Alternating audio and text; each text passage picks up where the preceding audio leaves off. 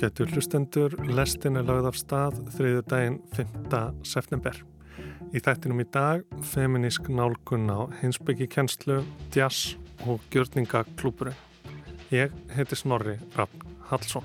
Þannig að, að við getum sagt að bakið þennan hinsbygging og, og þessa frægu setningu og þessa kenningu sem hann setur fram er kona líka. Sjóstur hefur alltaf verið mjög pældur náðungi og verið í einhverjum sínum eigin abstrakt heimi og bara hvað er það, ha, er þetta um breytingaskinni ég er sko ekki komin þánga Heimildamindi í þremur hlutum um bandariska saxofónleikaran Wayne Shorter kom út á Amazon Prime á dögunum. Shorter leik meðal annars með Sidney Quintet Miles Davis og á tímamóta blutinni Bitches Brew en hann átti einnig farsælan soloferil sem gerður skil í heimildatháttunum Wayne Shorter Zero Gravity. Shorter leik á listahátti í Reykjavík árið 2008 og í tilefni að því rætti Guðni Tómasson við þá Óskar Guðjónsson og Jóel Pálsson í Víðsjá. Við rifum upp spjall þeirra félaga hér á eftir. Við heyrum svo af síningu Gjörningaklúpsins í Galleri Guðmundsdóttir í Berlín en það er Steindór Gretari Jónsson sem hann gera íslensku listafólki í Berlín skil næstu vikunar, svo fylgist með. En við byrjum hérna heima. Skólanir eru aftur komnir á stað og því ekki úr vegi að huga að feminískri kjenslufræði.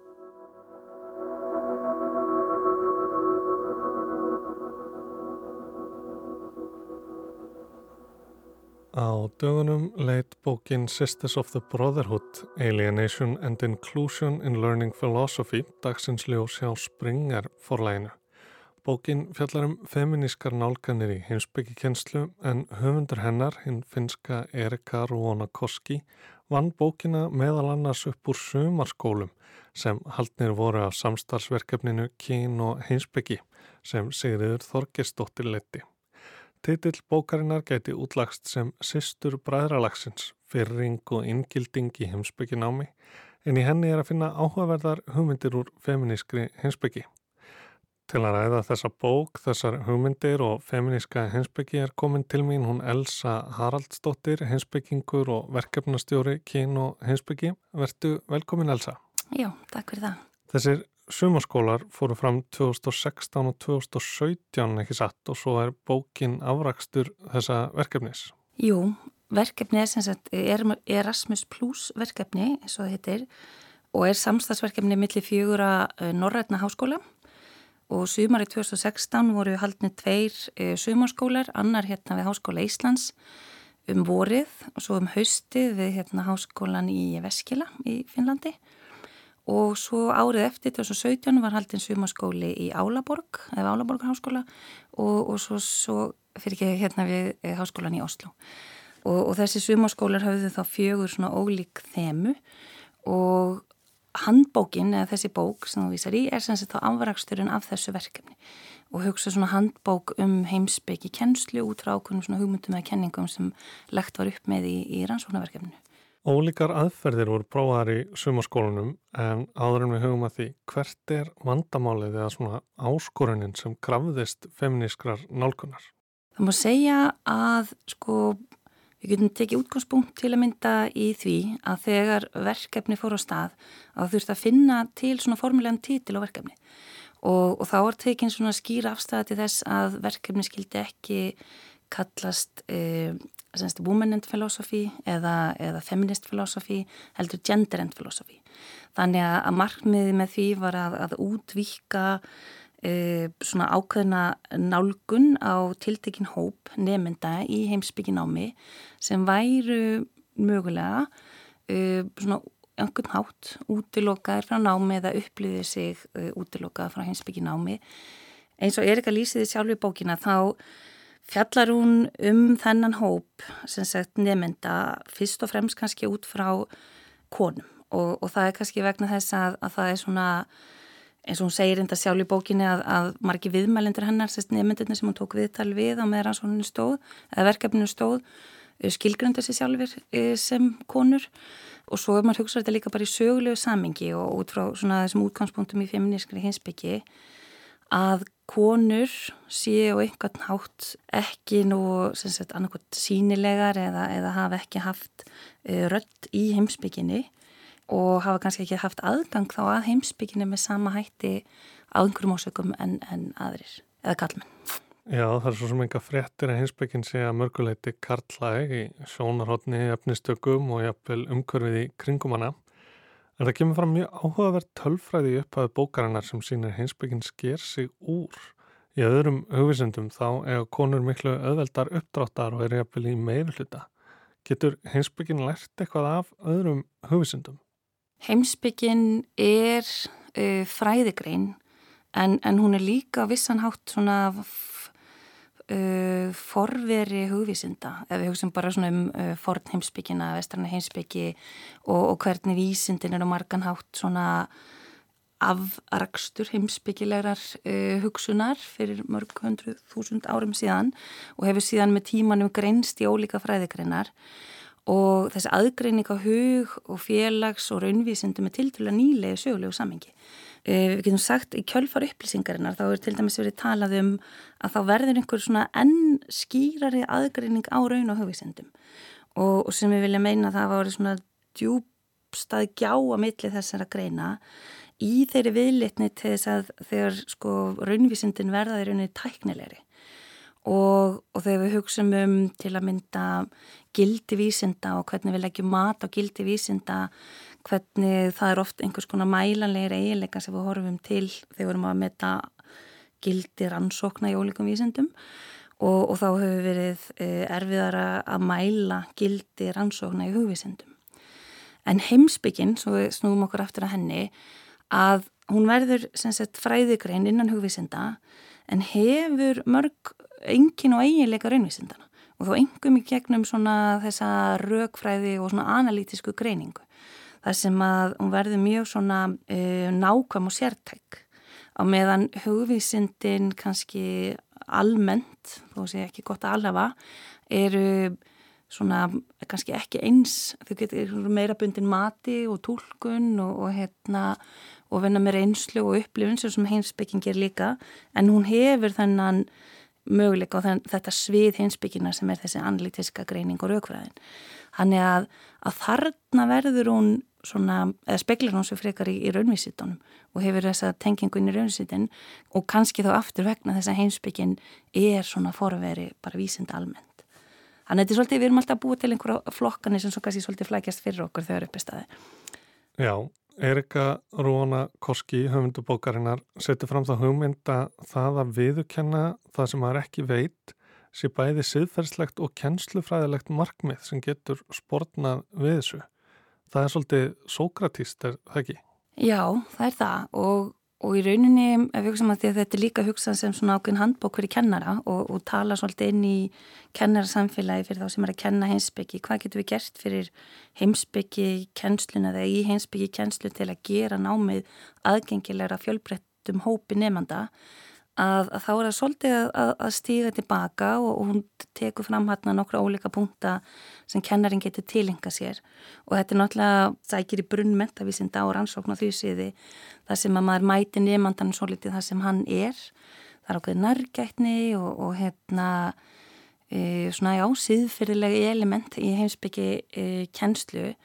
Að því sko að hún getur verið e, krefjandi og augrandi og og kannski e, og einhvern nátt óþægileg.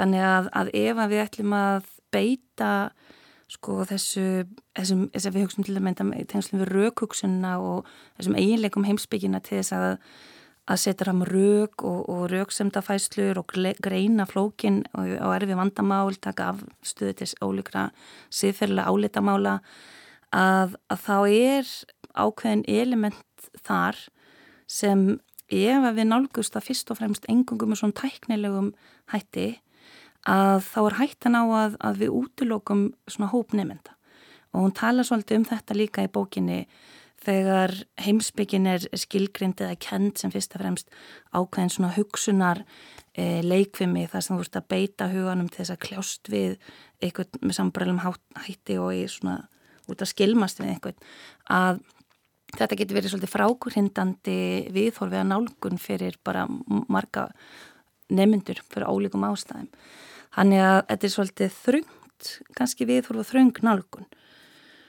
Og ef við hugsim líka að það er eitt sem að kemur svolítið upp í þessu samingi þegar við verum að hugsa með enginni heimsbygginar og, og af hverju ef að þetta er rétt, ef að þetta eru helstu enginni og styrkleikar heimsbygginar að vera svona beitt og augrandi og, og ákveði svona krefjandi skiptir þá sagt, þeir sem að einhverju máli að, að þeir sem að hérna, finnst þetta viðhóra þessi nálgun jafnvel erfið og óþægileg eða þeir ekki bara fara að snúa sér að einhverju öðru og, og þurfa til að mynda konur að, að leggja sund á, á heimsbyggi í sama mæli og kallar eða við getum velt þá fyrir þessu spurningu kannski frekar skiptir einhverju máli þá að séu fáar konur í heimsbyggi og þegar við setjum þetta líka í þess e, til sama hatin semst bara konur og aðri minnleita hópar e, er ekki bara í lægi að það sé svona þröngur ammarkaður hópur sem leggur á heimsbyggi og er bara flinkur í því.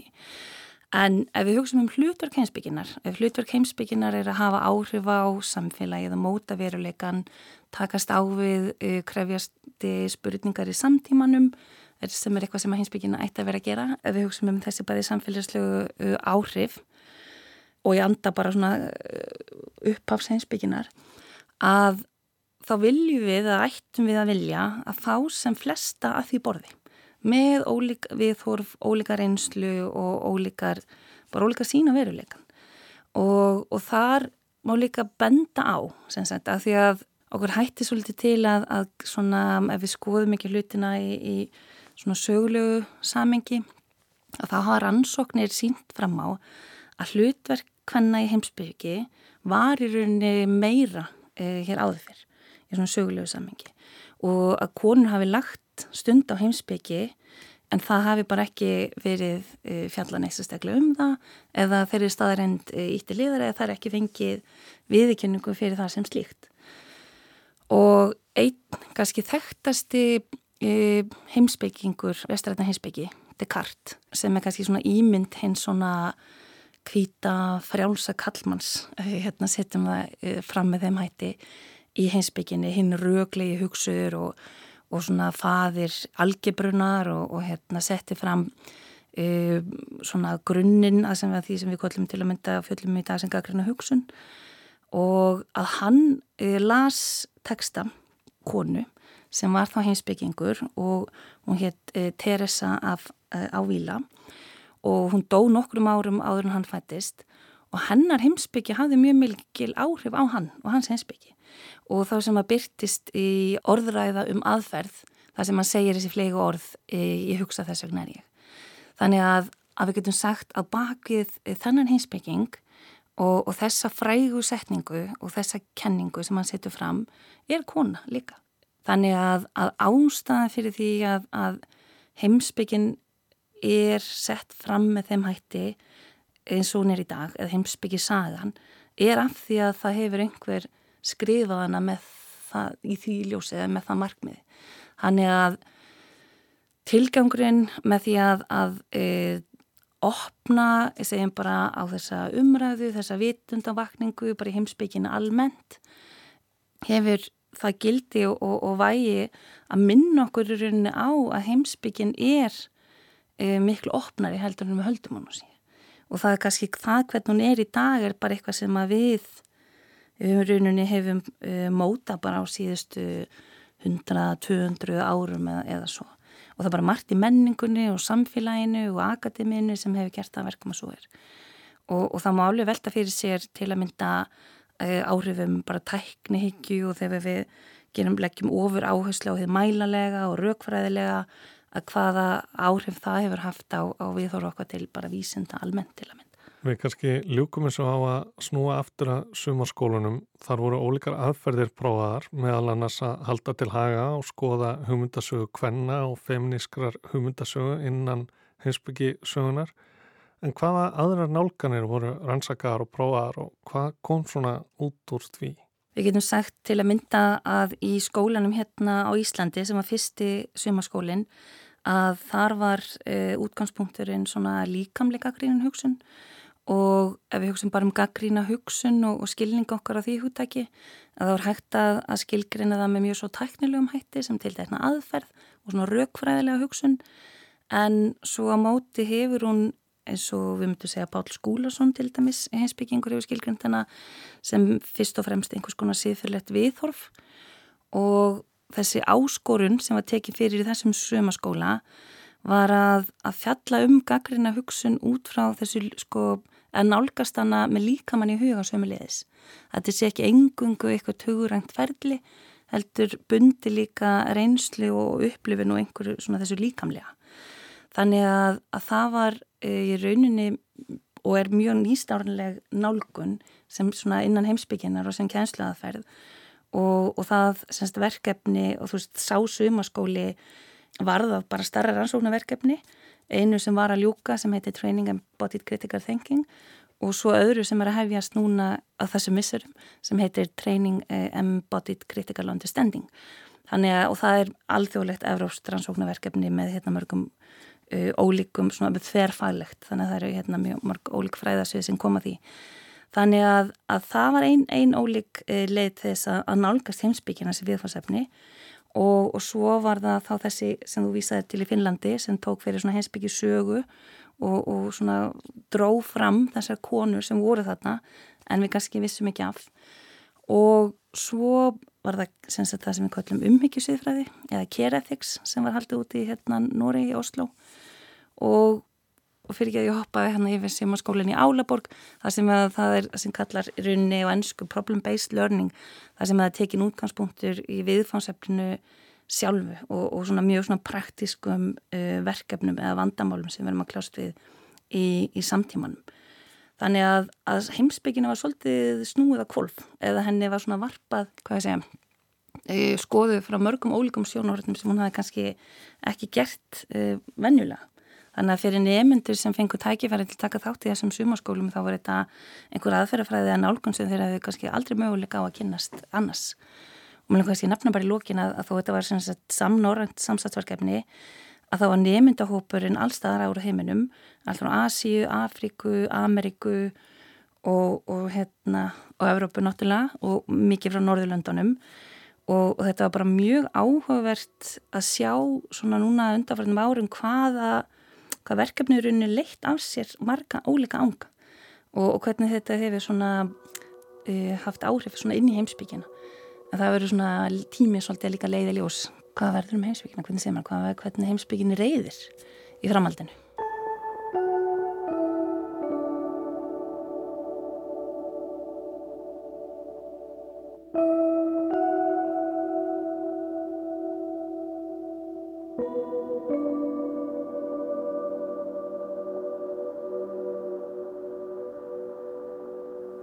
Bókin Sisters of the Brotherhood, Alienation and Inclusion in Learning Philosophy eftir Eriku Rúóna Koski kom út hjá Springer á dögunum. Elsa Haraldsdóttir verkefnastjóri Erasmus verkefnisins Kín og Heimsbyggi sæði frá en bókin er meðal annars unnin upp úr fjórum sömarskólum sem haldnir voru á Íslandi, Finnlandi, Damurku og í Noregi. En þá smá djass, förum aftur til 2008 Þá kom bandaríski tenor saxofónleikarin Wayne Shorter til landsins og heimildamindin Zero Gravity sem fjallar um líf og list Shorter kom út á Prime þar síðustu helgi. Heyrum smá tónlist og svo fær ungur Guðni Tómasson orðið en hann rætti við Ómar Guðmundsson og Jóel Pálsson í Vísjá fyrir 15 árum síðan.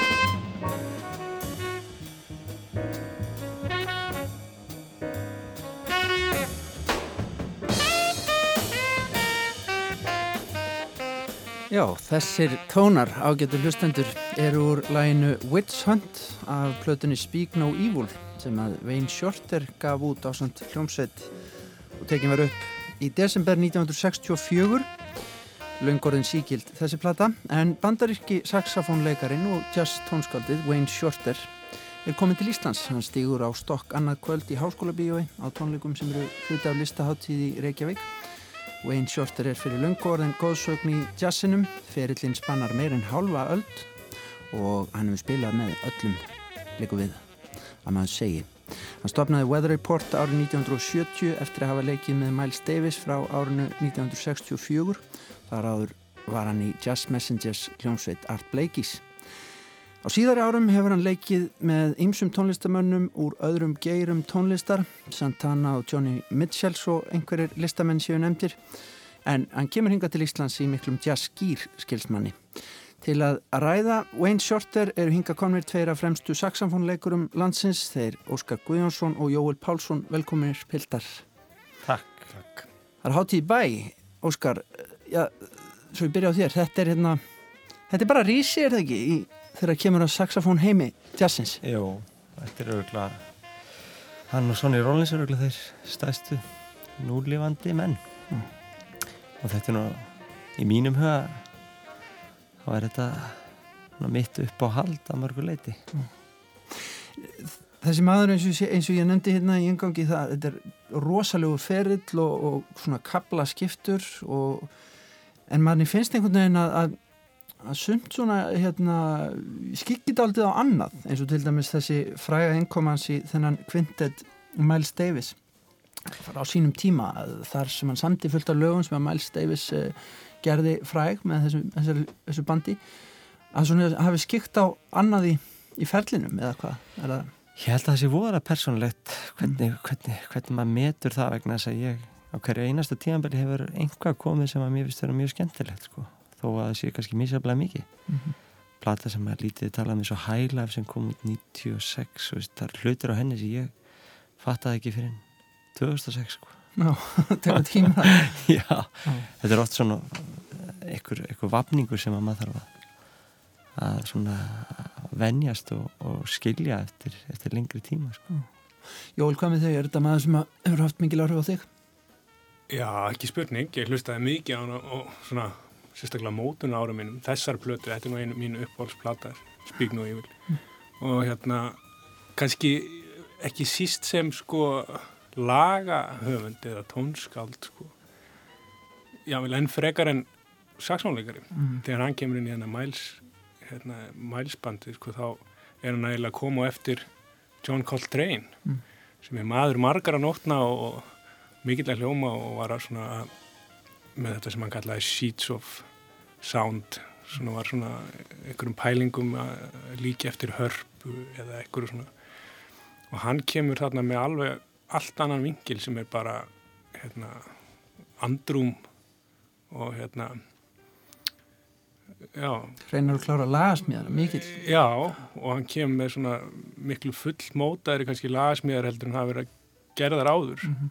og svona öðruvísi að því leiti hann, hann, hann er með miklu svona dýbri og, og safaríkari hljóma kannski sem hann er búin að líka yfir sjálfur sko, en lætur ekki pjánuleikaran sjá um það, þó hann vissilega hafi náttúrulega Herbie Hancock hana, sem mm -hmm. er mhm. hans vopna bróðir hérna En þetta er náttúrulega þvílíkt band sem er þarna á árunum 65-68 cirka og ég var að lesa hérna í æfisu, sjálfsæfisu umdeldri reyndar Miles Davis að hérna að uh, hann kemur inn í bandið já miklu svona kannski skipulaðari en, en Miles Davis átti svona að venjast, hann kemur með allt útskrifað, útpælt sem er kannski ekki hérna alveg í stíl við jazzin alltaf. Safinúl saði þetta líka um hann þegar þeir voru í veðriport að þar sem að hljómsveit var kannski fann að snúast um að, að búa til einhvers konar jazz-pop lög að hann sagði sko hann fekk 12-15 útskrifaða blaðsýður allar velpæltar hjá sjórnir og hans stærstu tími fór ég að reyna að reyna að retusera það í þessi litli lög sem að, eða svona sem melodið sem fóru fóru þarinn. En mm. sjórnir hefur alltaf verið mjög pæltur náengi og verið í einhverjum sínum eigin abstrakt heimi oft. Þetta er kannski svona upphafið að sem sem kallaði módal jazzmusik sem er, er ekki svona þessi, þessi hljómagangarnir kannski breytast svolítið og, og hérna fara svona verða impressionískari kannski sumileiti og, mm. og, og safaríkari eh, Miles nefnir það einmitt hérna að, að Wayne hafi verið, Wayne Shorter hafi verið sko hugmyndapersonan að svona konsepti hafi komið þaðan inn í þetta flotta band á meðan kannski krafturinn var hjá Tony Williams og trómunum og, og hérna og því öllu. Ég held bara eins og í öllum góðum hljómsveitinu þá ekkert kemur hver veit með, með einhver element sem að síðan fullkonast í þessu þessari samvinnu, ég held að það sé líka þessi jazz tónlist snýðs og við óalega mikið um er þessi samvinna hvers og einn sem að skinni eitthvað annan og koma einhverju til skila og náttúrulega laugin að svo einn voru stórþáttir í þessu bandi eins og eins og öðrum. Þannig að slagasmíðar eru skemmtilega pæltar og síðan er það sem sólisti oft eins og svona laga höfundur í sólónan ofta spila mótíf og þróa einhverja hugmynd í staðin fyrir að, að taka sóló eða spila einhvers konar melodiskar línur út í lofti þetta er mm. svona vel konstruktað einhvern veginn hjá hann sem er mjög sérstatt mjög mjög, mjög sérstatt hjá hann mm. Við skulum heyra hérna örlíti dæmi að við spjöllum áfram. Þetta er lagið ESP af, af samnefndir plötu þessara frábæra kvintets lag sem að vinn sjórtar samdegið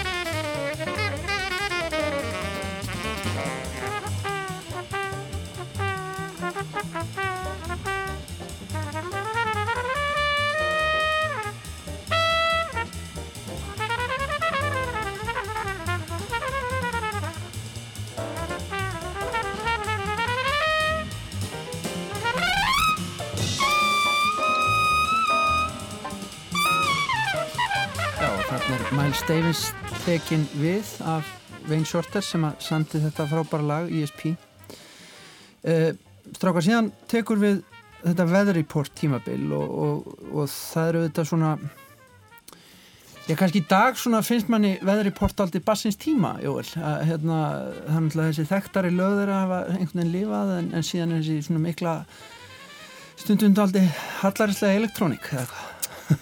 Já, ég er ekki alveg saman að því sko, mm. þetta eru svo sterkir spilar og sterkir einstaklingar. Það einhvern veginn lifir, þeir eru náttúrulega að fykta við sko ramarsljóðari sum hver ný uppfundin sko. Mm eiginlega og hérna það er alltaf alveg skiljaðið, þetta er alltaf allt leitandi menn og þeir eru að búa til eitthvað sánt fyrir einhverja hljómsveit. Og ég finnst hún alveg fellega skemmtileg og, og, aftur ennþá eru lagasmíðanar mjög óunlegar meiri sé ennþann dag í dag fyrir hljómsveiti sem geta kallast einhvers konar bræðingssveitir eða, eða er að blanda saman mörgum stílum sko. Mm -hmm. Samanlega þessu, Óskar? Já, ég hef alltaf haft gaman að þessu hljóðheimi sem að þeir settu saman þar mm. og enn og aftur er þessi svona þessi sérstæða veins í bæði í sándi, hann líka sándar ofsalega hefur alla tíð verið með mjög spes eða sérstætt sánd sem mm. saxónleikari mm. Hvað með þess að hlýða ánum að starfa með fólki úr, úr öðrum geira Johnny Mitchell eins og ég segi og, og Carlos Santana og svona, ég menna, hefur það eitthvað gengið upp? Er hann hérna?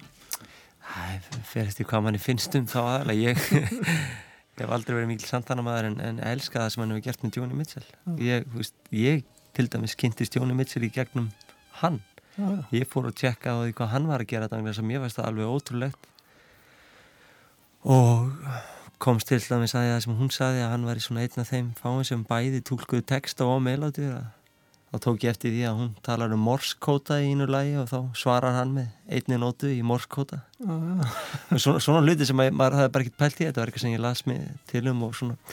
Þannig að uh, hann kendi mér að hlusta á eitthvað annað þegar ég fór í gegnum hann.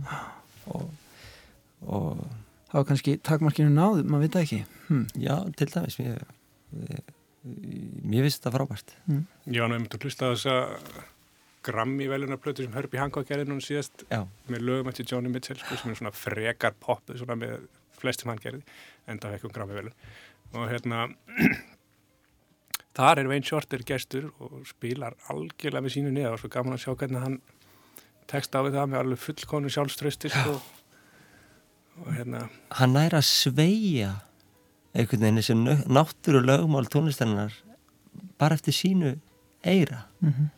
og hefur allatíð haft þá sérstöðu að ég sá þessa hljómsett sem hann var að spila fyrir okkur á morgun í London að hann heldur einhverjum melodískum þráði í gegnum tveggja tíma tónleika sem samt eru mjög opnir og mjög svona eh, frjálsera mörgur leiti en það er einhver heilstaður þráður í gegnum allt sem að er eiginlega útskýranlegur og skila sér að hann er svona tónarkitekt eitthvað já, einhver. skilaði sér algjörlega til mín. Er...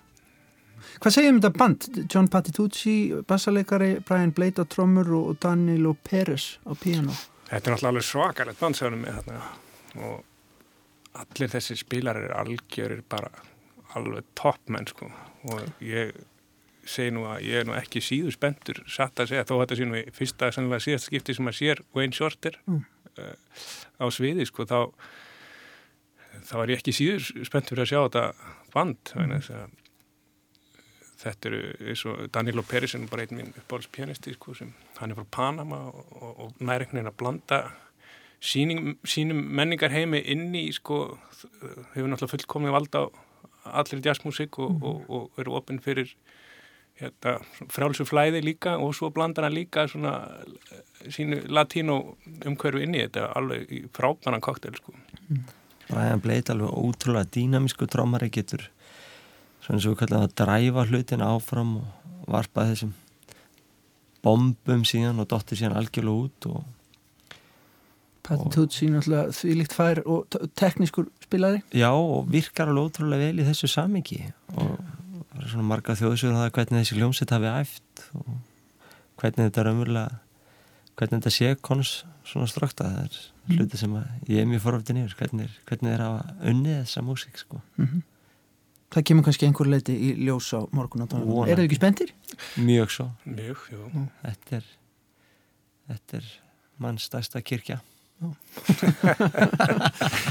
Herðu, ég segi bara góða skemmtunum og við skulum að lokum heyra lag sem að mér finnst allavega eitt af þeim svona svalari sem að Wayne Shorter hefur samið, það er lagið Footprint sem að Miles Davis kvintitinn tók nú upp á sín tíma. Þetta er endar af plötu Shorters sjálfs sem heitir Adams Apple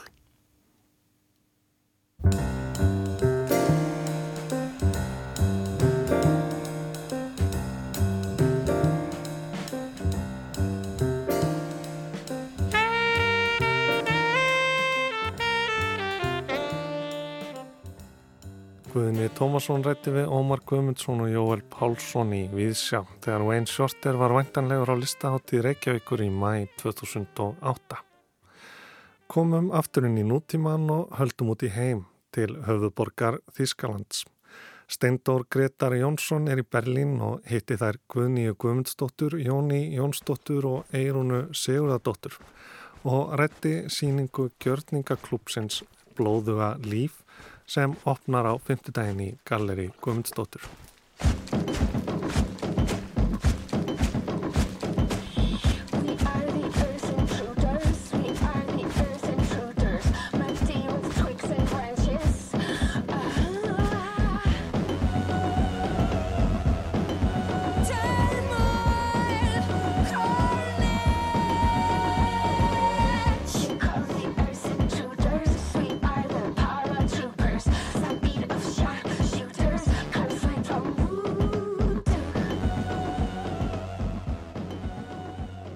Við erum hér stödd í Galleri Guðmundsdóttur við Jóakimstrasi í Berlín. Þetta er listarými alveg reynt hérna í miðju borgarinnar, rétt við Rosenthalerplatz og sjónvarsturnin og fleira skemmtilegt. Og þessa dagana má sjá hér inn í myndlistasýninguna Written in Blood eða Skrifað með blóði, ég veit ekki hvort það er rétt þýðing, þau kannski leiðir eftir það setna. En sýningu sem listahópurinn Gjörningaklúpurinn hefur útbúið og það eru betur þekktar á alþjóðavettfangi sem The Icelandic Love Corporation og uh, þær eru hér með mér, Jóni Jónsdóttir og Eirún Sigurðardóttir og líka sjálf Guðmundsdóttir úr Galeri Guðmundsdóttir, Guðni Guðmundsdóttir. Um, takk fyrir að spjalla við okkur í dag. Uh, kannski, kannski byrja á þér Guðni, hvernig, hvernig kom það til að þú opnaðir Galeri í Berlín af öllum stöðum? Ég, ég hef verið búsett hérna í, í já, ansi langan tíma og hef unnið á milli Íslands og Berlínar Um, já, senustunast í 20 árin. Og, um, og langaði að flytja mig meira yfir til Berlínar og þetta er erfitt að vera flakka á milli og, og börnum mín orðan eldri. Þannig að ég þetta bara hendi að, að, að, ég opnaði þetta galeri hér og þetta rými. Og um, það verðist vera mikið af íslensku listafólki sem sækir í þessa borg hvort sem það er til stýttri dvalar eða, eða til að vera hérna í lengri tíma Uh, af hverju heldur það að það sé? Mm, já, listasíðan hérna er óbúslega rík. Það er uh, koma hingað já, fólk frá öllum heimshornum. Sennilega þetta byrja að gerast náttúrulega fyrir, eða strax eftir að Amúrin fjöll 1989 og síðan upp úr 90 og 2000 þá kemur bara bylgja, flóðbylgja af fólki og það var ódýrt að lifa hér, ódýrt að fá húsnaði þannig að, að ætla þetta sé ekki bara afraksturinn og núna er þetta orðið allt saman komið kannski fastari skoðu, skorður. Eh, en já, kannski pínlítið eins og hafa verið í París 90, í byrjun 2000. aldar þar sem það var rítöfundar og, og listamenn á hverju kaffhúsi þetta er svona pínlítið eins hér núna. Emmett En snúum okkur að gjörningaklubnum, um, Jóni og Eirún, hvað getið sagt okkur um, um þessa nýju síningu, Written in Blood? Og endilega segja mér hvort ég hafi þýtt hana rétt með skrifa með blóði. Já, við erum náttúrulega þýðum helst aldrei neitt beint, eins og gjörningaklúburinn því sannarlega ekki það Æslandi Kló Corporation og þá Written in Blood, við látum það heita Blóðu var líf mm.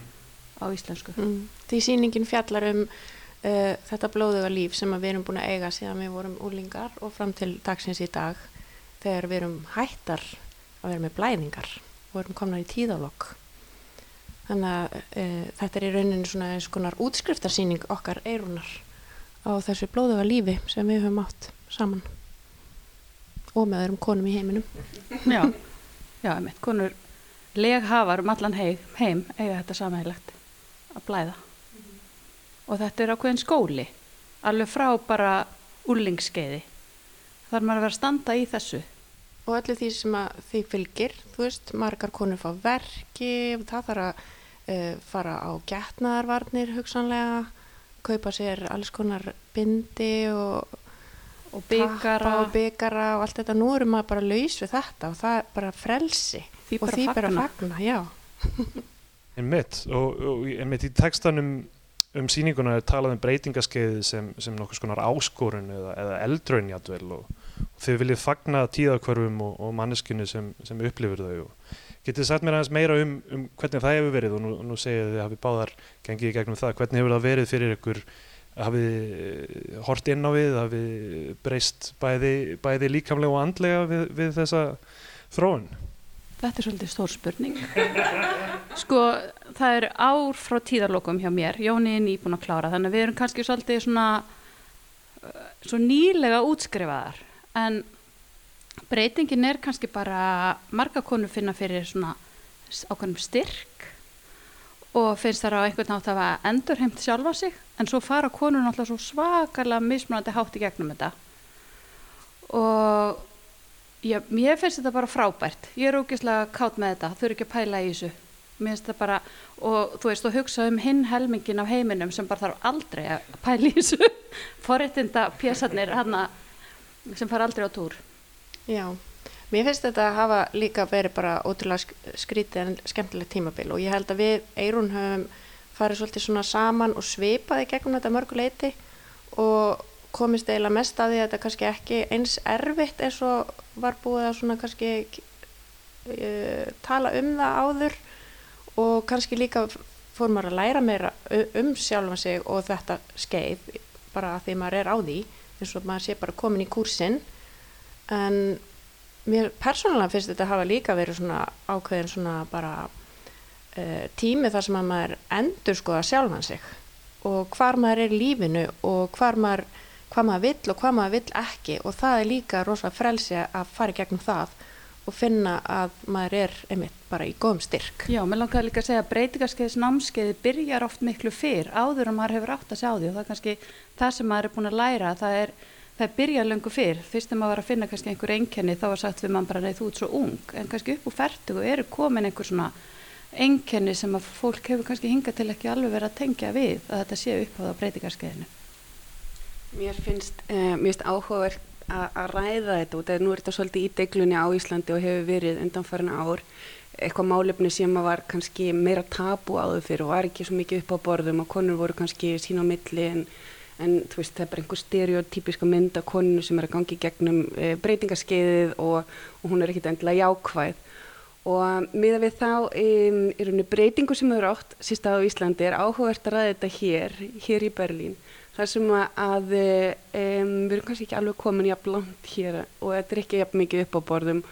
Og Um, og það er, það er gaman að sjá sko sem viðbröðin einn ein sem, e, sem ég veit að einn vinkona sem ég veit að er ábyggla komin að vera búinn og bara hvað er það, er þetta um breytingaskenni ég er sko ekki komin þángað og, um, og mér finnst það svo áhugavert að, að konur séu ennþá einhvern veginn að líta til þess að núna sé senasti söludagur að, renna upp og að það sé einhver ræðsla þar sem að, að þetta ánáttúrulega vera og síningin er að fagna og að við erum að breyta sér í einhvern styrk. Veist, það er frábært að vera komin á annan tíma frábært að vera komin af því skeiði þar sem maður er að ég, ég veit ekki eh, hugsa um það að, eigna spötni eða hugsa um allt annað. Nú getur maður bara farið að kannski að einbytta sér sjálfum sér og fagna, fagna sjálfum sér og líka mann sínum á þann hátt sem hann er að, að stefnu sem hann er að taka.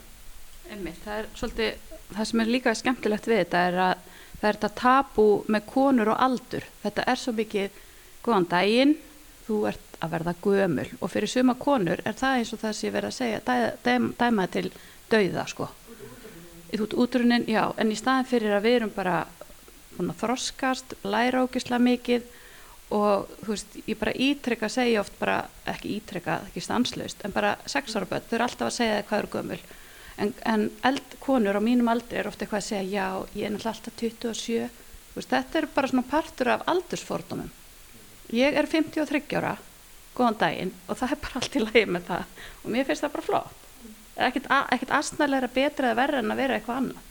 Guðmur Sko og þegar við erum að tala hérna um þessar listakonur sem eru komnar á þennan aldur á 60 aldurinn Um, að þá er það náttúrulega líka akkurat í dag besti aldurinn til þess að vera á.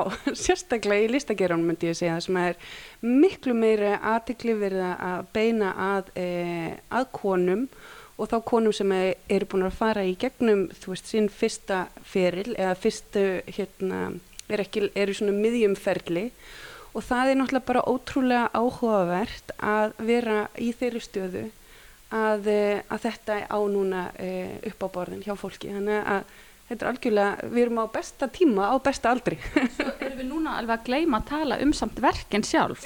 Algjörlega, það, ég ætlaði nú að fara að spyrja um þau af því að þið náttúrulega skoðið þetta þema margvíslega í, í, í þessari síningu uh, meðal annars ef þið viljið útskýra þessa diplómu sem ég sé hérna á borðinu sem er mjög, mjög áhugaverð. Já, við hérna, erum sérst að gefa út svona uh, sérstakar diplómur uh, til þeirra sem eru búin að klára þetta lang uh, skólanám. Og um, sá sem er búinn, hann getur rita nafnsitt og, og daginn sem hann kláraði sín tíðalóg og við, e, gjörningaklúburinn, við undir, skrifum undir það. Og nú þeir sem að kannski eiga mæður eða systur eða frængur eða eitthvað sem að hafa klárað, þeir geta sannlega gefið þeim diplómu. Þannig að þetta er ekki bara fyrir konur til dæmis að taka, það er frændur geta tekið fyrir frængur og svo framvis Eigin menn eigin menn fyrir konur. Þannig að við, erum svona lík, við náum líka svona að uh, uh, leifa öllum að vera með svo, svo, svo til að segja.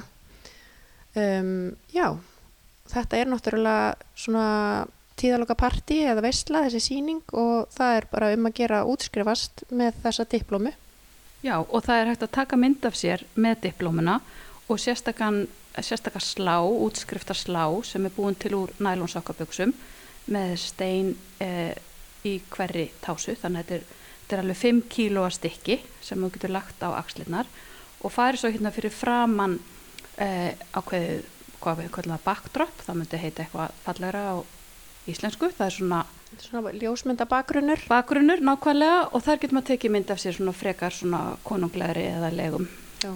með þe- þennan bakgrunn og þetta er svona stort vastlitaverk sem er málað í allskins uh, litum uh, svona uh, hvað maður að segja svona hressum litum hérna, sem að fagna bara þessu tímabili frá því að við byrjum og þá til við hættum. Mm -hmm. og þingdin er svona til þess að svona, í, maður geti ímyndið sér að þetta er líka búið að vera þungt og erfitt fyrir margar konur þó að þetta sé líka fallagt og geggjað. Já, og svo erum við með 12 verk sem heita Written in Blood eða Blóðuga líf og þau eru unnin líka svona með vasslitum og hekli, það er líka hekl á papirnum, þetta er svona klippimynd og svo eru þrykk, mónoþrykk líka sem eru klift út og eru þarna með, er bara, þarna erum við að horfa á svona kraft og svona samsetningu þegar við erum að ræða þessu myndum, það eru abstrakt. og kvenleika og, og heklið hefur verið okkur hugleikið líka í gegnum tíðina í verkonum okkar. Það er líka svona ákveðin mýkt og fegur í því. Eitthvað svona sem að svona, eins og við höfum stundum sagt verkfræði ömmunar sem kemur þar í gegn. Eitthvað sem við lærðum af okkar ömmum og notum áfram í verkonum okkar. Já, svo eru líka á síningunni ljósmyndir af okkur báðum í útskriftar uh, búning eða sem sagt með- útskriftamyndir já, af Já. okkur. Og svo erum við náttúrulega með stærsta verkið á síningunni já, sem heitir Segla, Segla 3 já. og er þryggja metra breytt sokkabóksnaverk því hvað þarf annað en seglu til þess að fara í gegnum þetta líf? Mm Svo finnst okkur gaman á ennskunni heitir þetta endurance þannig að það er líka tengist inn í, í gjörningaelementið hjá okkur. Það er þetta svona endurance úthald. Einmitt, ég ætlaði einmitt að spyrja á því að þið, þið hafi notað margvíslega listform í eitthvað sköpun. Og er þetta sem gjörningaklúburinn á Íslandi eða að gjörningarnir náttúrulega en svo hafið þið unnið með vídeolist og tónlistamindbönd og ljósmyndun. Hérna erum við mikið til kannski með myndlist í hefðböndari skilringi en, en náttúrulega eitthvað ljósmyndum líka og slíku, getið þið sagt mér aðeins frá ferlinu, hvað hérna kemur hugmyndin þemað fyrst og síðan formið upp frá því eða, eða, eða sprettur þemað upp úr forminu einhvern veginn Já, það er nú bara alls konar. Það bara fyrir alveg eftir hvað svona, um, hvað er til dæmis rými við erum að vinna með, hvaða þemu eða hugmyndir, hvað, þú veist, það er í rauninni, oft kemur miðillin á eftir hugmyndinu en svo getur það líka verið bara að maður er að, á vinnustofinu að, að tala um eitthvað spennandi og eitthvað fyrir að gerast, það er bara allskins. En núna í þessu tilfelli þá vissum við að við vildum fjalla um þetta því okkur finnst þetta að vera mjög merkilegt skeið í okkar lífi og þetta hefur heldur ekkert verið fjalla mikið um í listasögunni, kallar í gegnum tíðina, þetta hefur kannski ekki verið efst svona í þeirra, á þeirra Og þetta er svo Áhugasviði. nálagt okkur líka, þú veist, nú erum við, við, það er ára á mill okkar í bara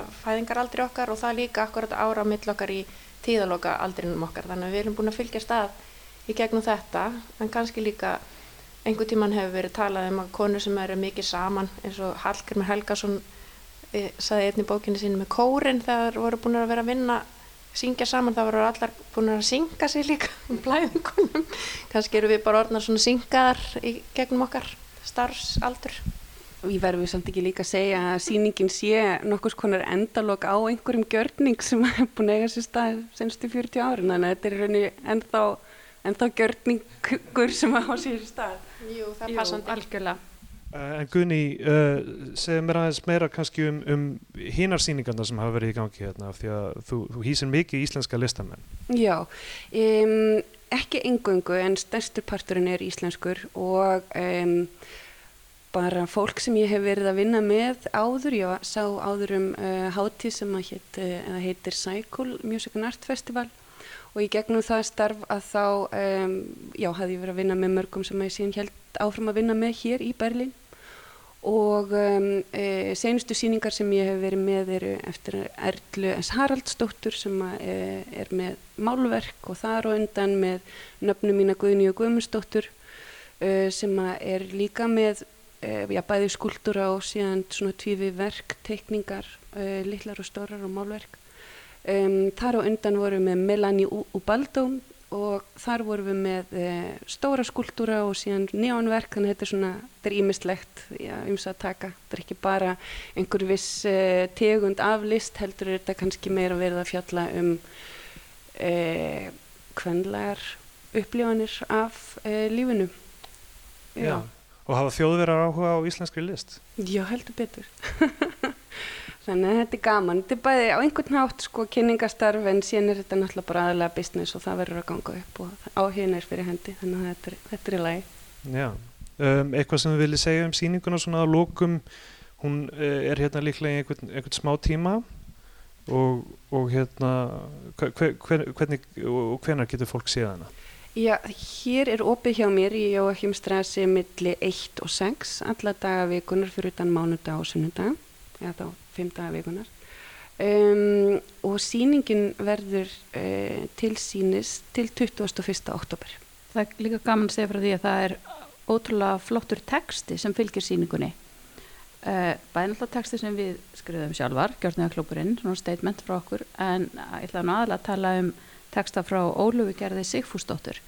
En hún er alveg, hún er sérfræðingur í breytingarskeiðin og gerði mitt mjög flotta þætti um það á e, rás 1 og náði svo kjarnaði þetta ótrúlega fallega í tekstanum sem fylgir síningunni þá bara uh, þökkum við fyrir okkur hérna úr Galeri Guðmundsdóttur og hvetjum alla Íslandika í, í Berlin til þess að kíkja á þessa síningu og, og, og alla uh, Íslandika á Íslandi til þess að er, er hægt að panta þessa diplómur á netinu? Við erum sko að hugsa um að þetta verður svona ekta seriós pakka diplóma þar að segja allir geti bara prentað hana út heima hjá sér. Já, hugmyndin er að þetta verði, sem sagt, diplóman verði inn á heimasíðun okkar. Vaff www.ilc.is Já, það verður þetta að prenta þetta út og þá geta, getur fólk prenta þetta út á hvernig pappi sem það vill og svona. En hérna í galleríinu er þetta 240 gramma hákjaða eðal pappir Þá bara eh, kikið á síðuna ef þið, ef þið komist ekki hingað í, í galleríu Takk ykkur fyrir Guðni, Eirún og Jóni